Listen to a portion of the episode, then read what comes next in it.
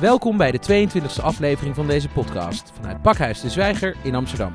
Mijn naam is Maurice Seleki en ik spreek met Emin Kesesi en Yasin Jayali. Samen met Bart Ongering, oprichters van Meesters met Dromen.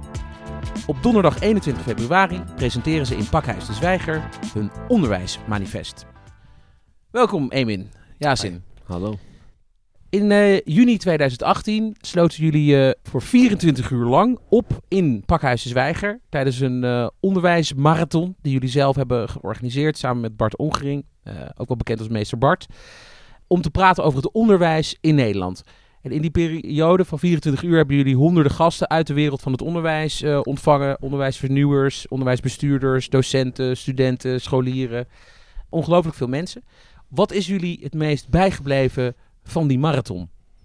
Nou, wat mij is uh, meest bijgebleven zijn uh, twee heren. Eentje is Henk Sissing, is een onderwijsinnovator en uh, onderwijsonderzoeker. Die heeft gezegd dat er veel minder nadruk gelegd moet worden op kennis en vaardigheden en meer op persoonsvorming, waar ik het mee eens ben. En Bertus Meijer van Onderwijs en Zo, de oprichter van de grootste Facebook onderwijsplatform, die heeft gezegd dat hij, dat hij gelukkig zal zijn als hij een jaar alleen maar les mag geven.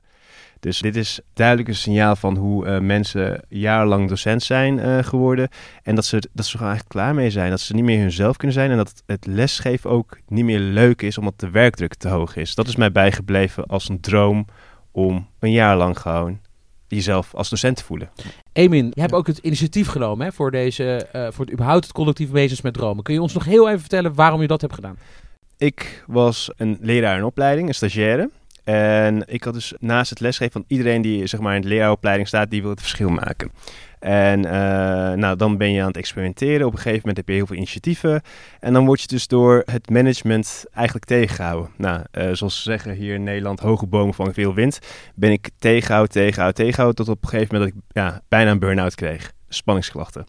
En uh, toen wou ik bijna stoppen met het onderwijs. En er waren drie rolmodellen die ik destijds had. Eentje was Bart Ongering Yasin en uh, meester Gijs.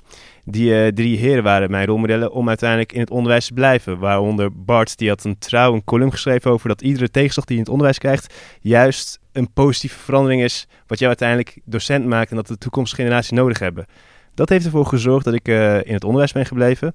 En dan was het aan mij als uh, leraar in opleiding om mezelf te profileren waar ik goed in ben. Want uh, is goed in vloggen, Bart is goed in uh, schrijven. En ja, ik heb ontdekt tijdens mijn studententijd dat ik goed kan organiseren met van evenementen. Dus nu de leraartekort heel erg actueel is als vorig jaar, heb ik toevallig deze drie heren gecontacteerd of wij hier iets mee kunnen doen, onze krachten bundelen, zodat er meerdere emens zijn die uiteindelijk willen stoppen uh, met leraaropleiding of uh, leraar zijn. Dat wij in ieder geval een soort uh, hoop kunnen zijn. Nou, ik had via social media deze drie heren gecontacteerd en ze stonden er voor open en zo is het eigenlijk een beetje geboren. Yasin, toen ja. Emin jou belde om je aan te sluiten bij dat collectief, Meesters met Dromen, ja. stond je daar meteen voor open of was je er verbaasd over? Ja, ik schrok wel even van zijn enthousiasme. Ik dacht, wie is deze gekke meneer die me opbelt en uh, helemaal rondheid over al zijn plannen vertelde. Maar ik moet zeggen dat het na een paar minuten al aanstekelijk werkte. En uh, hij zei mij ook van, we, we, we, kunnen iets veranderen, we kunnen iets samen doen. En ik, ik was niet echt zo'n organisator en ik deed gewoon lekker mijn eigen ding. En ik had me niet echt, ik hield me niet bezig met het bereik dat ik had of de mensen die ik eventueel zou kunnen inspireren. Nou, hij zei dat wel. Dus hij zegt van laten we onze krachten bundelen, want we kunnen echt dingen, dingen veranderen als we samenwerken. En toen dacht ik na een paar minuten van, uh, weet je wat, ik heb het nog nooit gedaan, maar we springen er gewoon in, blind. En we zien wel waar het schip dan, uh, dan gaat stranden. En uh, het strandde heel even in Pakhuis Zwijger uh, ja. voor 24 uur. Onderwijsmarathon, uh, nog nooit eerder vertoond. Wat is jou eigenlijk het meest bijgebleven van die 24 uur? Sowieso dat we echt een, een, een doorsnee mensen hadden van politici tot en met leerlingen die we dus blijkbaar konden verenigen op één plek en die we in gesprek konden, konden laten gaan. Ik had dat nog nooit gezien. Dus ik keek eigenlijk vanaf, we sliepen in pakhuis. Nou, we sliepen niet, maar we hadden een slaapplek. En dan keek ik naar buiten vanuit het raam. Zag ik al die mensen eigenlijk op, uh, op terras zitten. En, uh, en dan zag studenten, leerlingen, politici. En die zag ik met elkaar op terras in gesprek over hoe ze het beter wilden maken. Dat kon ik gewoon zien. En ik zag gewoon in hun ogen van oké, iedereen wil het beter en iedereen staat ervoor open. En toen dacht ik van oké, dat hebben we toch mooi geflikt dat we al deze mensen bij elkaar hebben, hebben gebracht. Dus dat was voor mij wel een moment dat ik dacht, ik heb nog wel een fotootje toen gemaakt en even naar hem toegestuurd van uh, wat een mooi aanzicht is dit eigenlijk. Ja. En ook mooi, om, mooi om te noemen dat het gewoon op een weekend was, uh, 26 graden. En het was twee uur s'nachts of drie uur s'nachts. En er waren gewoon voor Pakhuis nog 20, 30 man gewoon. En in de studio waren er ook 20, 30 man. Dus iedereen was gewoon elkaar aan het opzoeken. Het was echt mooi. Ja. ja. En tijdens uh, die onderwijsmarathon hebben jullie natuurlijk heel veel best practices en adviezen en aanbevelingen opgehaald. En die hebben jullie verwerkt in een onderwijsmanifest. Ja. En uh, dat manifest gaan jullie op 21 februari presenteren, ook weer hier in Pakhuis de Zwijger. Wat is ongeveer de kernboodschap, Emin, uh, van dat onderwijsmanifest? Er zijn dus uh, meer dan 150 dromen, wensen uh, verwezenlijk in het manifest. We willen niet te veel weggeven. Dat, uh, eigenlijk willen we onze luisteraars van harte uitnodigen om 21 februari bij te zijn. Het wordt in ieder geval heel erg bijzonder. Eén ding wat we ook, als ik mag hinten, de ministers zijn ook bij betrokken. En meer kan ik er helaas nog niet over vertellen. De ministers? Nou, de ministers. Nou, misschien dat Jason even ja. meer kan vertellen. Ja, um, nou ja, ik heb gisteren wel het ministerie gesproken en die zijn natuurlijk wel erg enthousiast hierover. En die willen vooral ook dat we dit blijven, blijven doorzetten, want ze steunen dit initiatief. Ze zien ook wel het belang van uh, de manier waarop we mensen bij elkaar brengen. Vooral de community die we, die we cre creëren, de positiviteit die, uh, die er komt. En ook wel dat we ja, tijdens die 24 uur ook wel heel veel goede ideeën en initiatieven hebben samengebracht. Waardoor weer nieuwe initiatieven elders zijn ontstaan. Ja, kun je dus, een voorbeeld noemen van zo'n initiatief? Ja, ik vond, vond het mooi dat ja, twee, uh, Shauna, uh, Shauna Plompen, en Loes van Gemert, ja. Ja, dat ze, uh, de, de, ene maakte al echt hele goede, goede, goede les eigenlijk. En die zette dat online. En dat had nog niet echt het bereik. Maar wel kwalitatief echt hele goede, goede lessen. En het is zo dat leraren niet zo heel veel dingen delen met elkaar. Ze hebben niet zoveel contact met elkaar. Maar ergens in het land, iedereen heeft wel goede ideeën. Zoals we dat gaan delen, wordt iedereen's les beter. Die komen dan met elkaar in, in contact. En die maken dan samen, uh, zijn ze nu die lessen aan het, aan het verspreiden. De ene was pedagogisch heel sterk. De ene was didactisch heel sterk. En die creëren nu lessen. Of de hackathon die daarna in Amsterdam was. Exact. Uh, voor het leraartekort. Die is er ook uit, uh, uit ontstaan tijdens Meesten met Dromen.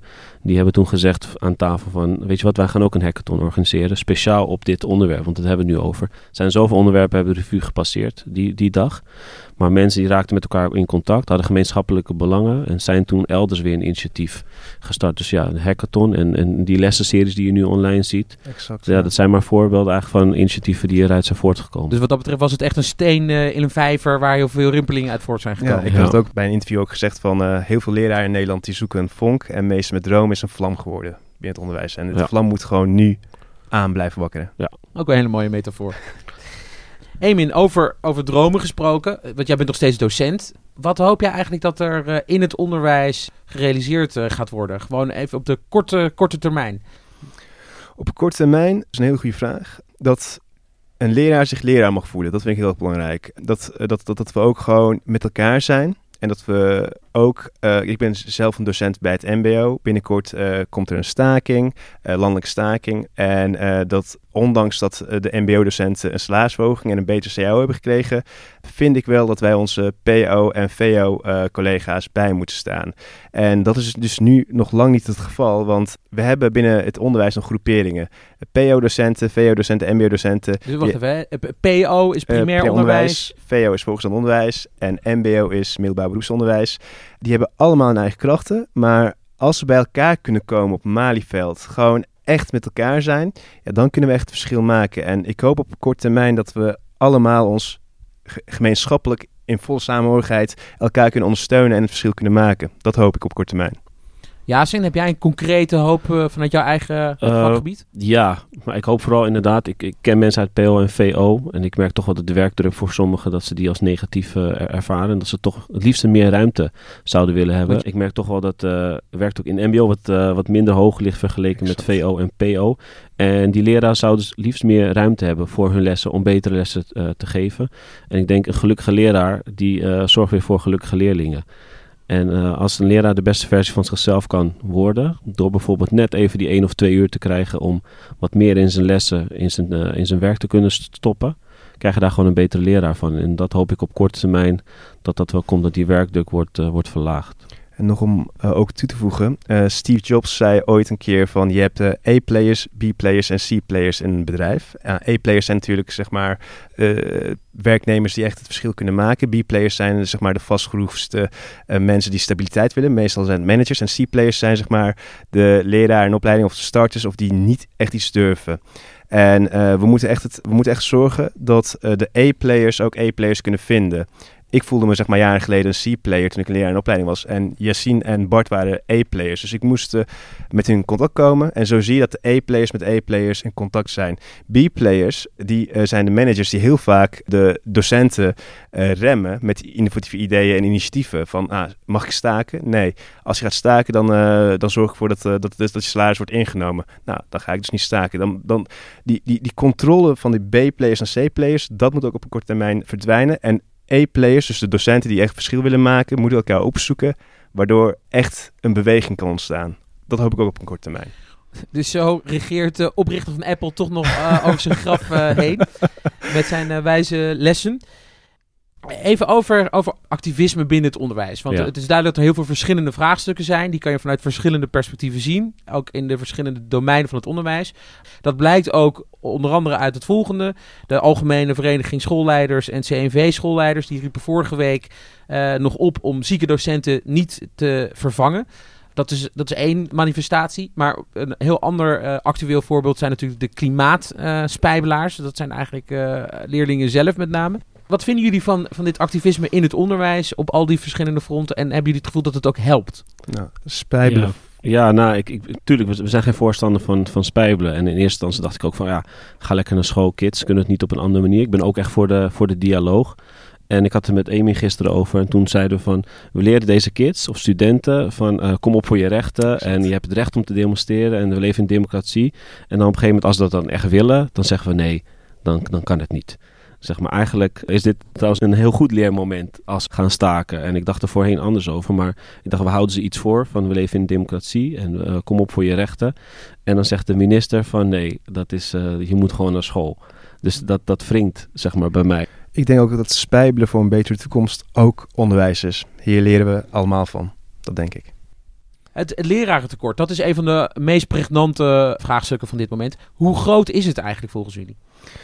Binnen het MBO voel ik het niet, maar ik denk dat uh, Yasin het uh, meer voelt. Ik denk dat we wel rekening mee moeten houden als er een, uh, als er een leraartekort binnen het primair onderwijs en volgens het onderwijs is dat, dat alles zeg maar goed gemonitord moet worden door middel van de inspectie. Kijk, we hebben een duizend lesurennorm en nu vallen bijvoorbeeld één lesdag af. Dat is ten koste van kwaliteit en kwantiteit. Nou, en, en waarom valt dat vanwege een staking? Van, vanwege staking? Nee, in, verband met lerarentekort, heel veel uh, zieke collega's, heeft bijvoorbeeld een school in Zandam, heeft vijf uh, schooldagen naar vier dagen verminderd. Puur omdat er gewoon geen leraren meer zijn. En ze zijn op zoek naar verschillende leraren, kunstenaars, stagiairs, et cetera, die het kunnen opvangen. Nou, dit, is, dit is allemaal ten koste van uh, kwaliteit. En bovendien, die duizend uren norm kan je hiermee niet halen. Dus mijn vraag is heel graag aan de inspectie van, nou, hoe gaan we dit monitoren? Wordt er ook druk verminderd dat, dat, we gaan ontregelen? Dat dat er minder regels zijn, totdat er echt een oplossing gaat komen? Ja, dat is eigenlijk een vraag die ik heel graag ook beantwoord zou willen krijgen. Ik... Je ziet wel echt een verschil tussen, tussen scholen. Ziet scholen die toch wel in achterstandswijken uh, staan, dat die moeite hebben om uh, kwalitatief goede leraren te vinden, ook als het gaat om, om VO. En andere scholen weer, weer niet. Er zijn heel veel scholen in Amsterdam die gewoon structureel een wiskunde of natuurkunde docent missen. En het gaat ten koste van een lessen, gaat ten koste van een voorbereiding voor examen. En dat is toch wel echt, echt vervelend voor sommige kids. Er zijn ook scholen die daar echt geen probleem hebben. Die hebben echt een bepaalde status en die trekken gewoon docenten aan. Docenten willen daar heel graag les geven. Maar je hebt ook wat mindere scholen. Als het gaat om bijvoorbeeld om uh, VMBO's. Die hebben echt moeite om uh, kwalitatief goede leraren uh, te vinden. Maar dan eigenlijk komt het er heel scherp op neer dat de, de scholen die in kwetsbare wijken staan en misschien wel een grote populatie Ja. trekken van kinderen uit kwetsbare achtergronden, Ja. Dat die dus hier eigenlijk dubbel door getroffen worden. Ja, We ja. beginnen al met de achterstand eigenlijk en die wordt nog eens een keer groter, doordat daar dan ook weer een tekort ontstaat. Ja, klopt. Ja, Zo- je moet ook zien, is, is zo'n baan ook aantrekkelijk? Eh, Je gaat daar werken, je weet al van een zware opvoedende eh, taak. Heel anders dan waar je voor eh, gestudeerd hebt misschien. En op een school waar alles eh, geregeld is en eh, waar alles goed in elkaar zit, ja, daar, daar stap je in en dan kun je lesgeven, een eh, duidelijke structuur. Maar er zijn gewoon genoeg eh, scholen die structureel gewoon mensen tekort hebben. En inderdaad in die wijken eh, eh, zitten met eh, soms wel moeilijke doelgroep, ja. Superdiversiteit is ook een, ook een thema, zeker in eh, een stad als Amsterdam. Ja, hoe manifesteert die superdiversiteit zich in het onderwijs in Amsterdam? Ja, ik zie gewoon een hoge acceptatie van elkaar. Ik zie dat ze ja, onbewust al eh, bepaalde omgangsvormen met elkaar hebben. En eh, dat ze eh, ongeacht afkomst of, of kleur of ehm, sociale achtergrond, of het nou economisch is of, eh, of uit welke wijk ze komen in dit geval. Ze kunnen eh, echt goed eh, met elkaar hopelijk, en dat is even toekomstdenken, de stad gaan maken. Want ik zie nu al dat ze op, dit niveau, weet je, ze zijn nog heel erg jong. Ze kunnen met elkaar samenwerken, ze kunnen goed met elkaar overweg, ze begrijpen elkaar. Dus ik hoop echt dat, ze, dat dit zich doorzet naar de toekomst, zeg maar. Dat ze ook echt de stad gaan, gaan maken. Want ik zie nu al dat ze dat kunnen op, op jonge leeftijd.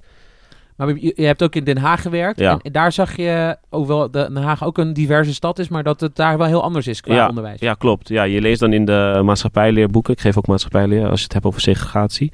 Dat, daar lees je over en dan denk je van, eh, dat hebben we in Amsterdam. En toen ik in Den Haag was, toen dacht ik, oh nee, hier heb je het. Dit is dus segregatie. Hier zie ik echt duidelijke verschillen tussen of de Marokkaanse bevolking. Dan heb je ook nog Berbers en Arabieren die, die los van elkaar eh, um, figureren in de, in de school. En echt een duidelijke Turkse groep, Antilliaanse groep. En dan loop ik door de, liep ik in de pauze door de, door de school. En dan zie ik, oké, hier zijn echt groepjes. Zoals je echt in de boeken leest. En uh, misschien leefde ik in de Amsterdamse bubbel. Om te denken dat dat uh, hier heel normaal was. Maar dat is het dus kennelijk niet. Het is eigenlijk heel speciaal in Amsterdam. Emin, jij bent uh, een, een, beetje een social media guru. Naast je docentschap in, overdag. Je bent daar heel erg mee bezig. Je gebruikt het ook echt als een communicatiemiddel. Ook onder andere om dit uh, evenement uh, te promoten. En om dit hele collectief bij elkaar te brengen. Exact. Hoe belangrijk is de savviness met social media om überhaupt ook serieus genomen te worden als docent ten opzichte van je leerlingen? Nou, ten eerste, uh, social media. Nou, we gaan steeds meer richting digitalisering. Onze leerlingen, studenten, die gebruiken ook allemaal social media. Die zijn ook heel erg benieuwd van, nou, wat doet een docent naast zijn normale werkzaamheden? Nou, ik, ik hoor dus heel veel van mijn uh, studenten en leerlingen. Die mogen me allemaal volgen. En uh, die zien ook gewoon van, nou, meester, u bent echt, echt goed bezig wat je allemaal aan het doen bent. Uh, in Rotterdam, in buitenland, et cetera.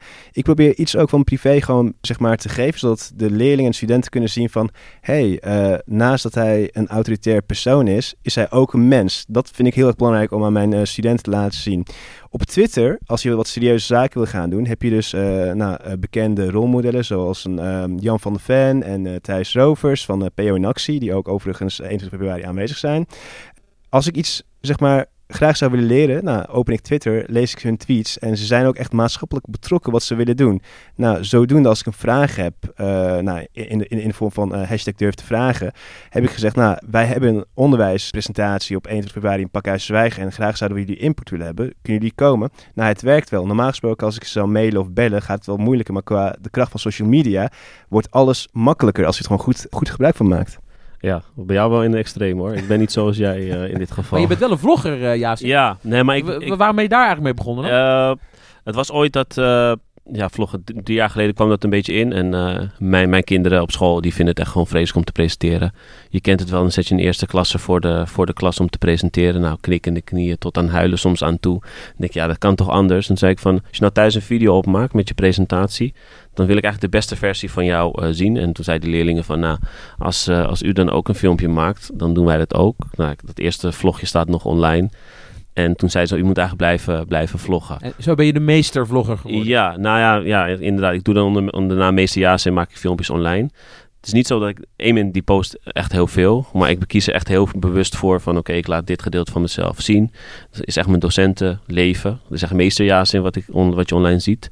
En privé Jaas in bijvoorbeeld, dat, dat zie je niet. Ik heb bijvoorbeeld een kind, maar die zal je nooit uh, zien online met, met gezicht of wat dan ook zelfs heel soms bij naam. Maar ik ben wel heel bewust met wat ik online zet of niet.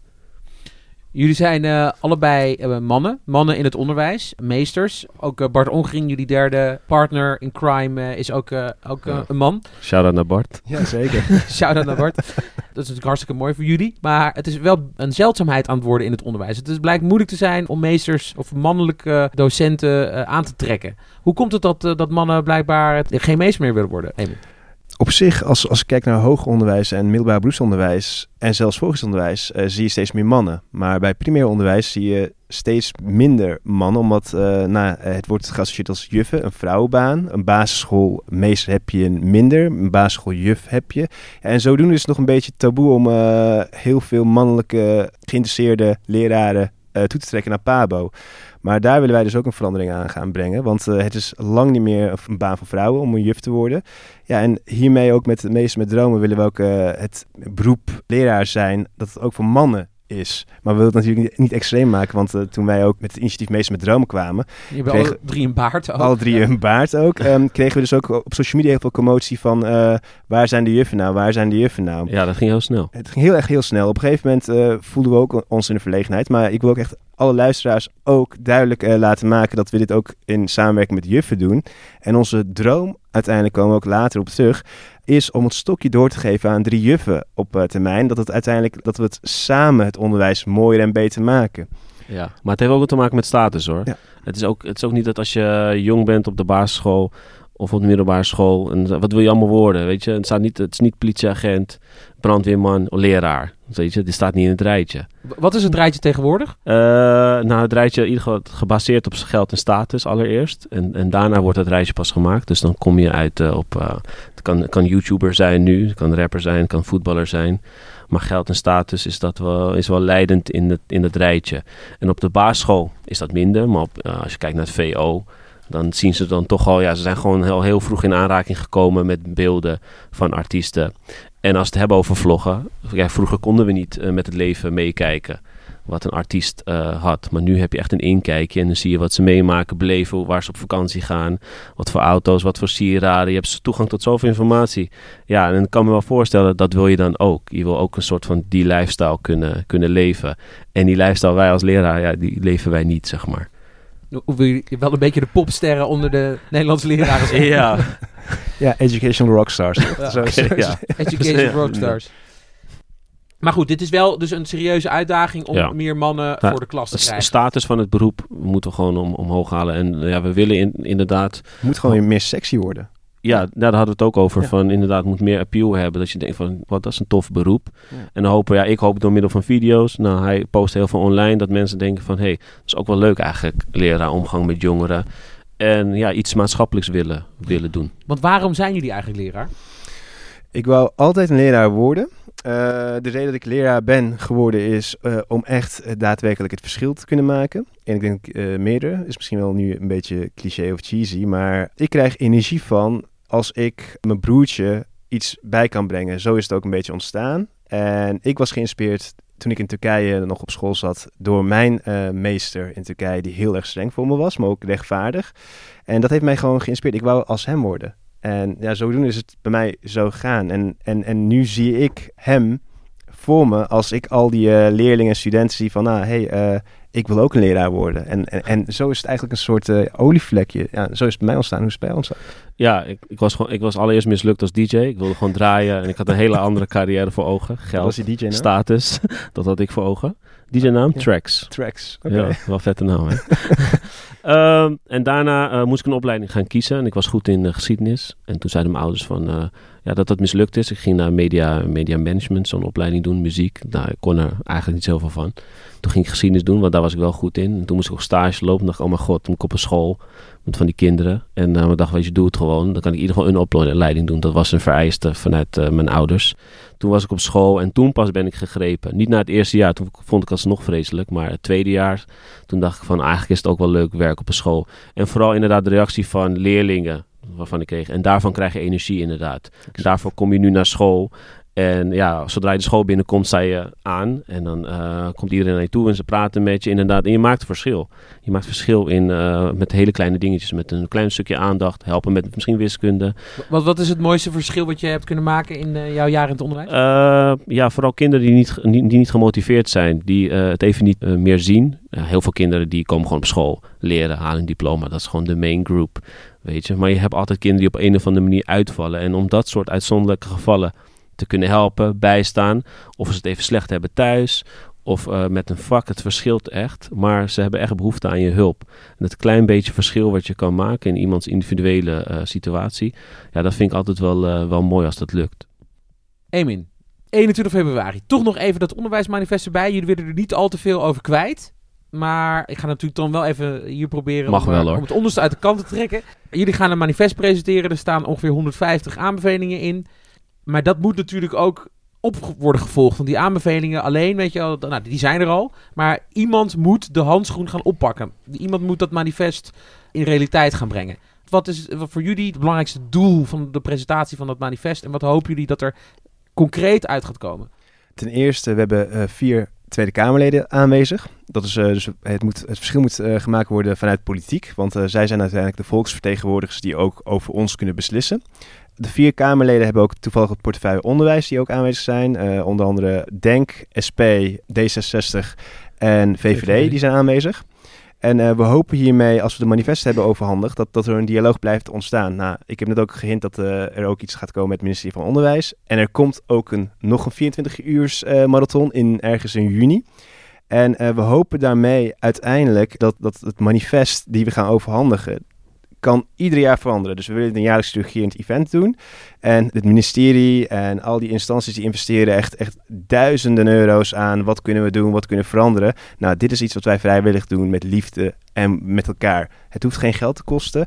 En zo'n onderwijsmanifest die ieder jaar wordt geüpdate, kan uiteindelijk een soort onderwijsvernieuwing worden voor de toekomstige generaties. Ja, ja, je ziet gewoon dat je hebt leerlingen, studenten, tijdens zo'n meester met dromen, docenten. En je komt rechtstreeks in contact met Kamerleden.